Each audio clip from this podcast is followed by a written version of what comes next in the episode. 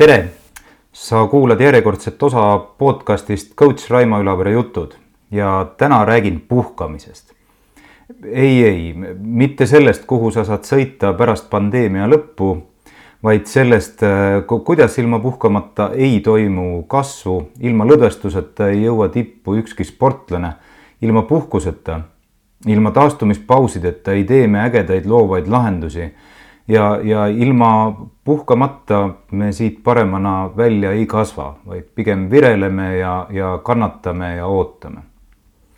ma räägin ka konkreetsetest viisidest, kuidas puhata ja räägin neist äh, teaduse kontekstis ehk mitte lihtsalt sellest, äh, mis ma arvan, millest võiks äh, inimestel nagu kasu olla või, või milles või mida minu arvates nad võiksid teha, vaid pigem sellest, mida ütleb teadus puhkepauside kohta ja kuidas seda siis teha. ja miks me sellest puhkamisest just praegu räägime, miks see on nii tähtis ja, ja miks sellele just praegu peaks tähelepanu pöörama, kaks põhjust. alates eriolukorra algusest olen teinud äh, circa kolmkümmend personaalset coaching ut äh, juhtide ja sportlastega ning äh, kakskümmend pluss, täpsem olla kakskümmend kaks tänase seisuga veebikoolitust ja, ja peamiselt siis äh, juhtidele ja, ja natuke ka sportlastele ja, ja iga kord äh, küsin osalejalt äh, kas otse või kaude, et äh, kuidas on muutunud nende töökoormus. Ja laias laastus statistika ütleb vähemasti need, kellega mina olen kokku puutunud, et umbes pooltel inimestel on töökoormus kasvanud ja, ja laias laastus umbes viiendikul kuni veerandil on see kasvanud väga tugevasti. nii et, ähm, et me rabame ja rassime vähemasti paljud meist rohkem tööd teha kui varem. ja teiseks, teine põhjus, miks sellest ähm, puhkamisest on mõtet ja mõistlik äh, rääkida, on äh, stress ja suur töökoormus ei ole halb, ma tahan seda rõhutada, stress ja suur töökoormus ei ole halb. vastupidi vastupidi, see äratab meis sageli võimekused, millest me varem äh, võib-olla isegi teadlikud polnud ja ilma stressita me ei kasva, me ei muutu paremaks, me ei arene. nii et, äh, et lihtsustatult võib ka öelda, et ilma stressita äh, praegune eriolukord või praegune kriis ähm, ja, ja raske seis ei muutu paremaks, me, me pea, stress on vajalik ja stress on kasulik. kuid stress äh, üksi ei aita, et ilma puhkuseta me ei kasva. ja töökoormuse hüppelise kasvuga peab kaasnema ka puhkamise ja lõdvestumise võimekus. nii et hästi lihtsustatult äh, äh, näeb kasvamise ja paremaks muutumise valem välja nii, et stress pluss puhkus on võrdne kasv või võrdub kasv. nii et puhkus on vähemasti sama tähtis kui kui äh, stress. Äh, ja nüüd ma ühte asja tahan veel öelda, ennem kui minna konkreetsete meetodite juurde. kui keegi arvab, et puhkamine on nõrkadele ja seda muuseas ma olen kuulnud inimesi ka öeldavat ja eriti kõvemad spordihundid siin armastavad äh, selliseid kilde loopida, siis see ei vasta tõele. see ei vasta tõele, puhkamine ei ole nõrkadele puhkamine vähemasti tipptasemel tegijate jaoks, tippsportlaste, tippjuhtide jaoks olen mina täheldanud, nõuab äh, kohati rohkem julgust ja, ja rohkem sellist äh, pealehakkamist, äh, planeerimist kui igapäevase töö tegemine. ogaraks töötada oskame me ennast kõik või vähemasti suurem osa meist. et see ei ole probleem teha kaheteist, neljateist tunniseid tööpäevasid ilma pausideta. iseasi, kui kaua me seda äh, suudame teha, aga see ei ole probleem. probleem on julgus leida äh, sinna vahele äh, puhkepause, teha sinna vahele puhkepause ja julgeda tööst lahti lasta. ja see, see ei ole nõrkadele. nii et äh, kui keegi keegi, äh, kui kuuled kedagi jälle ütlemas, et puhkus on nõrkadele, siis, siis seda ei tasu äh, uskuda veel parem, ignoreeri seda ja, ja muhele vaikselt ja mõtle, et äh, pane, pane, et väga kaugele ilma puhkamata ei jõua. miks see üks lihtne asi, miks see mm, puhkus on oluline? puhku, puhates me kasvame sõna otseses mõttes, sõna otseses mõttes lapsed kasvavad magades, on üks tore ütlus, mis on väga lähedal tõele et ja, ja sportlased ütlevad, ma ei tea, kas sa oled kuulnud, et lihas kasvab magades. et see vastab tõele, nii mentaalselt kui füüsiliselt me kasvame magades ma ei hakka sinna detailidesse minema, miks see nii on ja mis meil peas toimub ja lihastes toimub, kui me magame, aga taastumine tegelikult tähendab kasvamist. nii et sellise mõtteviisiga on võib-olla ka nagu natuke äh, lihtsam seda, neid puhkepause teha, et me tegelikult ei tegele sellega, et meil oleks hea olla ja et mõnus chill out olek oleks pidevalt, vaid me, vaid puhkus ongi see nii-öelda trenni osa, kui kasutada sportlaste väljendit, millal me kasvame, ehk kui eesmärk on kasvada, siis, siis puhkamine on see aeg. Ja nüüd siis viis tegevust, viis tegevust, äh, mis tuginevad teadusele, kuidas siis, äh, kuidas siis puhata, taastuda, lõdvestuda eesmärgiga, rõhutan veel kord, eesmärgiga kasvada kasvatada oma töövõimet, kasvatada oma vaimset vastupanuvõimet, kasvatada oma füüsilist vastupanuvõimet ja võimekust. ja esimene neist tegevustest on jalutuspausid. no muidugi, kes poleks sellest kuulnud, eks ole, see on elementaarne ja, ja see jutt pole sinu jaoks ilmselt mingi üllatus ja minu küsimus on lihtsalt hea küll.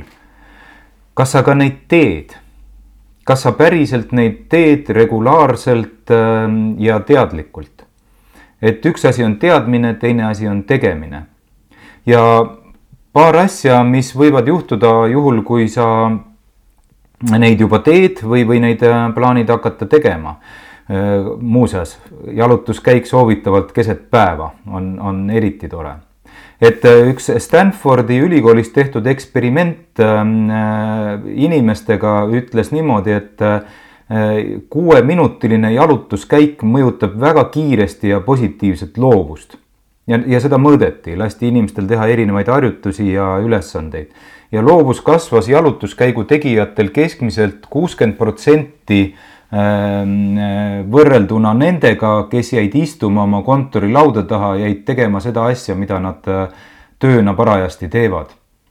ja, ja muidugi selle juurde ma jõuan ka hiljem, et eriti hästi mõjus see, kui jalutuskäik tehti väljas, nii et äh, äh jalutamine on ülimalt efektiivne ja miks no üks asi on muidugi füüsiline ja, ja sellest me saame kõik ilmselt mõistusega aru, et verevarustus kiireneb, mis tähendab, et et ähm, meil igasugused toredad ained hakkavad verre erituma ja, ja tuju läheb paremaks ja nii edasi ja nii edasi, ent loovuse koha pealt on just oluline äh, teada või teadvustada, et ähm, kui me jalutame, siis tegevus on väga lähedane automatismile ehk me ei pea liiga palju oma teadlikku tähelepanu äh, jalutuskäigu ajal kasutama, mis tähendab, et meil ähm, avaneb suur ressurss alateadvusest ja sealt tuleb see loovus. Sealt tuleb see loovus ja, ja sealt tulevad ideed, lahendused äh, ja muud. Ja jalutamine on reeglina üsna rütmiline äh, tegevus, mis aitab ka kaasa, nii et äh,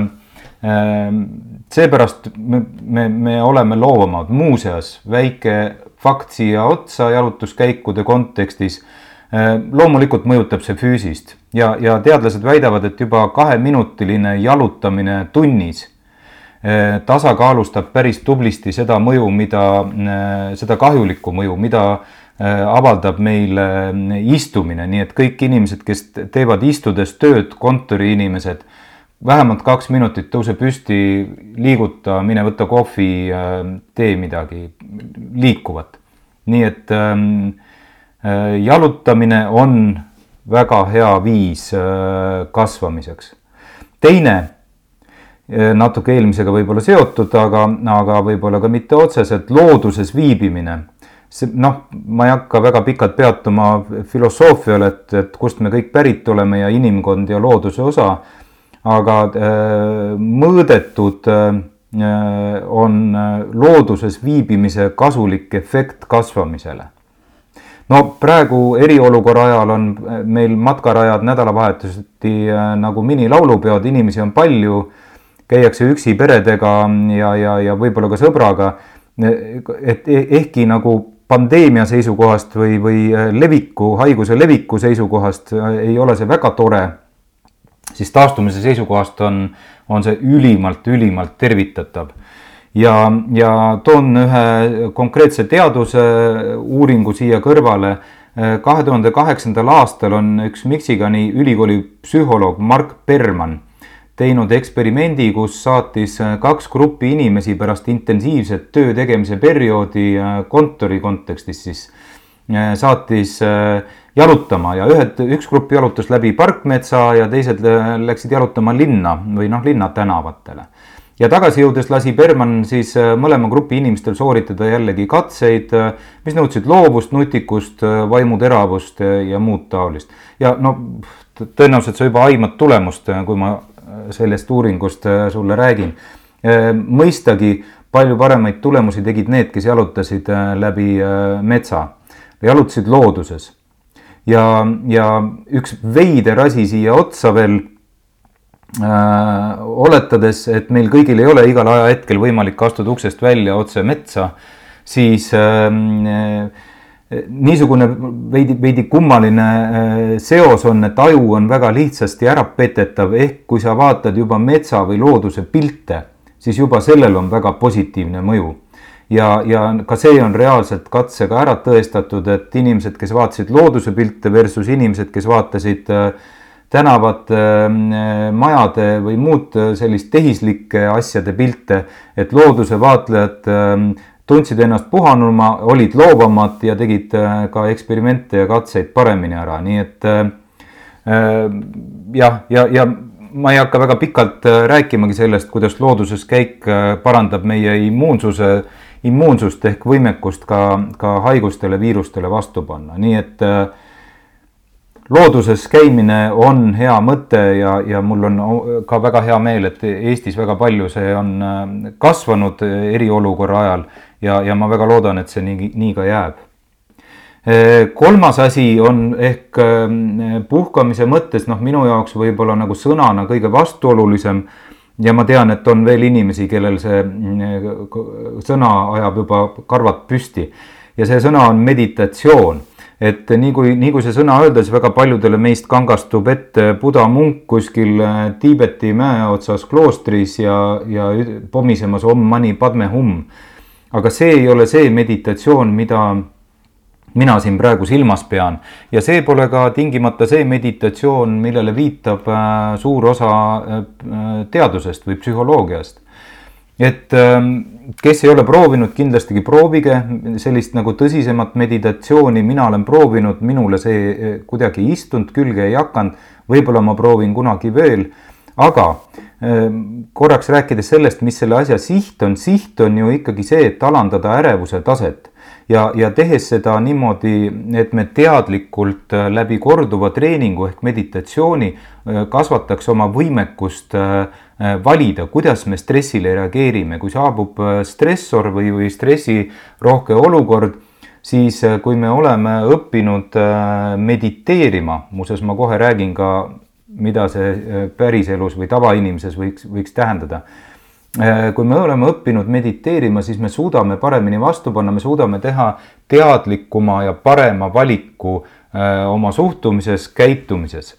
ja neid meditatsiooniviise on tõesti palju, noh, ühise joonena, nii palju kui mina olen selle kohta lugenud ja, ja ma kordan veel, ma ei ole äh, suurem asi ekspert meditatsiooni alal, on kindlasti inimesi Eestis, kes seda valdavad palju-palju äh,, teemat valdavad palju paremini kui mina aga ühise joonena tundub mulle, eh, on äh, hingamine, et, et, et suur osa nendest äh, nii-öelda taastumisest, meditatsioonist, ärevuse maandamisest tegeleb hingamise, hingamisega, hingamise rütmiga ja hingamise sügavusega. ja, ja eesmärk on siis noh, aeglustada äh, rütmi ja, ja hingata sügavalt, et, et see vähendab äh, Äh, mõjub positiivselt vererõhule, äh, südamele ja nii edasi ja nii edasi, eks ole, see on kõik ilmselt meil teada. küll aga ma soovitan võib-olla, kes ei ole nagu sügavama meditatsiooniga kokku puutunud, siis esimese hooga mitte hakata tõesti Om Mani Padme Hum ümisema ja tegema kümneminutisi või viieteistminutilisi äh, tee pea tühjaks sessioone sest see on õudselt raske, see, see on tõesti raske. Võib-olla lihtsam viis äh, on see, mida näiteks mina kasutan, on see, et, ähm, et, et mina nimetan seda restardiks või taaskäivituseks, mitte meditatsiooniks. ehk siis see on lihtne, pane silmad kinni, samm kaks, lõug rinnale. ikka on silmad kinni, eks ole mõned korrad hinga sügavalt sisse-välja, proovi nagu aeglaselt sisse-välja hingata siis proovi, järgmine samm, proovi silme eest äh, pilt tühjaks teha. See, me oleme seda kõik ilmselt proovinud ja teinud, see, see väga keeruline äkki ei ole, kui seda harjutada. hoia seda minut aega, umbes minut, noh, nii tunde järgi, eks. seejärel tõsta pea püsti, silmad lahti ja oledki mediteerinud, oledki ennast äh, taaskäivitanud ja, ja see mõju ja efekt on kohene seda ma luban, et mina olen seda teinud ja, ja harjutanud, teen paar-kolm korda päevas. Ja, ja see töötab, proovi ja, ja võid ennast uhkusega mediteerijaks nimetada, kui soovid. neljas viis, kuidas lõdvestuda, taastuda, ennast taaskäivitada, on ähm, sotsiaalne taastumine. see on midagi, mis võib-olla hetkel on veidi keerukas teha, aga mitte võimatu. ja see loogika on on äh, selline, see on pärit äh, spordipsühholoogiast ja seal on seda mõõdetud ka, et parim viis äh, taastumiseks pärast võistlust või rasket treeningut või ka äh, tagasilööki on äh, koos teiste omasugustega hängimine, kui kasutada siin moodsamat kõnepruuki. Et noh, hommikusöök, õhtusöök, ühine mingisugune kinoseanss, jalutuskäik, mis iganes. Ja seda tõesti spordipsühholoogia ja, ja teadus väidab ja, ja üks, üks Bangori ülikooli professor Kristjan Kuuk, kes on seda asja tõsisemalt uurinud, ütleb pärast eksperimente niimoodi, et sõbralik treeningujärgne koosolemine, jutustamine, naljade viskamine, tagasisidestamine ja nii edasi kiirendab taastumist ja kuulake nüüd, ja tõstab tulemuslikkust. see tõstab tulemuslikkust, see on kasvu äh, paratamatu osa, see, see aitab kasvule kaasa ja see kõik kehtib ka ülejäänud inimkonna puhul, mitte ainult sportlaste puhul, see kehtib meie kõigi puhul. et, et sellel on väga tugev, äh, teistega koos olemisel on väga tugev mõju meie füsioloogiale. jällegi hulk keemilisi aineid, mida meil verre hakkab erituma ja nii edasi ja nii edasi. ja need ained mõjuvad hästi, alandavad stressi, vererõhku, mõjuvad hästi südametööle, kasvatavad immuunsust ja nii edasi ja nii edasi, et see on tore need muuseas nüüd minnes või tulles tagasi eriolukorra konteksti juurde, need kõik see juhtub ka äh, eriolukorras, me oleme ikkagi inimesed edasi. ehk siis ühised äh, videovestlused, äh, videosillad, noh, miks, miks on mõistlik teha, noh, ma, ei tea, mina ja ma tean, väga paljud inimesed veel teevad näiteks korra nädalas, noh, ma ei tea, reede õhtuti tund aega sõpradega koos olemine üle, üle mis iganes vahendi meil parajasti on virtuaalis, eks. et sellel on reaalselt positiivne mõju või, või tean ka meeskondi, kes, väga paljud meeskonnad, kes praegu korra nädalas samamoodi saavad pooleks tunniks, tunniks kokku. virtuaalis räägivad üksteisest kui inimestest, mitte tööst viskavad nalja ja, ja lihtsalt on, hängivad nii-öelda koos, eks ole. ja see kõik kehtib, see sotsiaalne taastumine aitab kasvada äh, sellisel juhul kui see keskkond on ähm, selline, mis aitab lõdvestuda, et, et ei kehti see, et võtad äh, kohvi ja lähed äh, kolleegiga kas virtuaalis või päriselus kuhugi tööjuttu ajama, see ei ole lõdvestumine. see ei ole lõdvestumine, nii et äh, pigem, pigem keskenduda muudele asjadele kui töö või sellised igapäevaraskused ja mured ja, ja see aitab, see, see taastab, see kasvatab nii, nii vaimu mõttes kui füüsise mõttes. ja viimane asi, mis on noh, mõistagi äh, uni, noh, sedagi me teame kõik ja, ja noh, ma ei hakka siin üle kordama ja manitsema, et, et magamine on tähtis ja nii edasi, me kõik teame seda. paar lihtsalt fakti siia Ehm, üldiselt asjatundjad kinnitavad, et, et enamiku unevajadus meil on äh, seitse kuni üheksa tundi kes väidab, et tema ei pea üldse magama, muuseas on, olen kohanud tippjuhte, kes väidavad, et nemad on vähesema unevajadusega. vabandust, ütlesin neile siis ja ütlen ka praegu, et ma ei usu seda. see, see ei lähe kokku sellega, mida teadus ütleb. et me kõik vajame seitse kuni üheksa tundi keskmiselt ja nii, et see on müüt, et mingisuguse ameti või, või positsiooni või rolli puhul on unevajadus väiksem, ei ole. Ja, ja paar fakti, miks seda, miks magamine on kasulik. no jällegi, me kasvame magades, nagu ma alguses ütlesin. ja, ja kui me ei maga, siis või ei saa oma unetunde kätte, siis me võime murda trenni või tegeleda igapäevaste tööasjadega nii palju, kui tahame, võime ennast ogaraks töötada, aga me ei kasva ega arene. me ja vastupidi väga suure tõenäosusega me muutume kehvemaks ka selles, mida me teeme. nii et meie, meie valikud on nirumad, me teeme kehvemaid otsuseid ja meie füüsis, äh, füüsiline võimekus ka kipub äh, pigem hääbuma, nii et ka selle kohta on olemas lugematu arv eksperimente. ja, ja noh, miks magamine on kasalik, kasulik, me töötleme infot, selekteerime, tõstame kokku, sorteerime, kinnistame ja nii edasi. muuseas, üks fakt selle juurde me teeme seda kõike pigem äh, nii-öelda seitsmendal või üheksandal tunnil, magamise tunnil. Ehk siis selle magamise perioodi lõpus saabub see kuulus nii-öelda REM-uni. see on rapid eye movement tuni. Ja see on see, kus silmad värisevad inimesel, et, et me näeme unenägusid, me loome seoseid, me, me kinnistame seoseid, aga see on äh, reeglina selle magamise lõpus, nii et äh, kui meil kui me lähme hilja magama ja ärkame suhteliselt vara, siis jääb meil see nii-öelda äh, kasvamise ja kinnistamise etapp jääb olemata. nii et mõistlik on minna kuskil kümne-üheteist ajal magama ja siis äh, magada rahulikult seitsme-kaheksani ja, ja nii need tunnid täis tulevad, et äh, et see on võib-olla nagu parim rütm. liiga hilja magama minnes me magame lihtsalt välja väsimust, me, me toodame liigset väsimust ja, ja me ei jõua selle REM-uneni või seda ei tule meile piisavalt palju siis. ja üks asi veel unega, jah, ma soovitan teha, kui vähegi võimalik, väikseid lõunauinakuid, aga mitte mitmetunniseid magamisi, pigem on see kuni pool tundi. Ja see toime on hästi lihtne, see on sama põhjus, miks tehakse paljudes koolides või tehti siis, kui koolis käidi, küllap sügisel uuesti jätkatakse pikki vahetunde, et see see vähendab ärevust, vähendab väsimust, äh, äh, selline nagu, nagu vaikne tund ja seda noh, ma ei hakka ka kirjeldama teile, jälle lugematu arv eksperimente on seda tõestanud, nii et pärastlõunati, kui me ei puhka, vahepeal oleme me ähm,, ärritume kergemini, negatiivsed emotsioonid haagivad kergemini külge ja see on fakt, see ei ole, see ei ole minu väljamõeldis, ähm, see, see, seegi tugineb teadusele, nii et äh, kui sa tahad paranenud keskendumisvõimet ja, ja, ja paranenud töövõimet ka pärastlõunal, siis äh, väike lõunauni äh, kuni pool tundi või sihuke tukastamine tuleb ainult kasuks. ja, ja need on need viis asja, ehk siis jalutuskäik, looduses käimine, ähm, siis ähm, meditatsioon või noh, ütleme taastumispaus, sotsiaalne taastumine ja uni, viis asja. Ja kõik tugineb teadusele, nii et äh, äh, viimane asi, mis ma tahan siia öelda, tee ükskõik mida nendest viiest äh, või mitut asja, pane need kalendrisse. kõik, mis on kalendrisse, juhtub, kõik, mis kalendris ei ole, selle murrab elu pooleks praegu.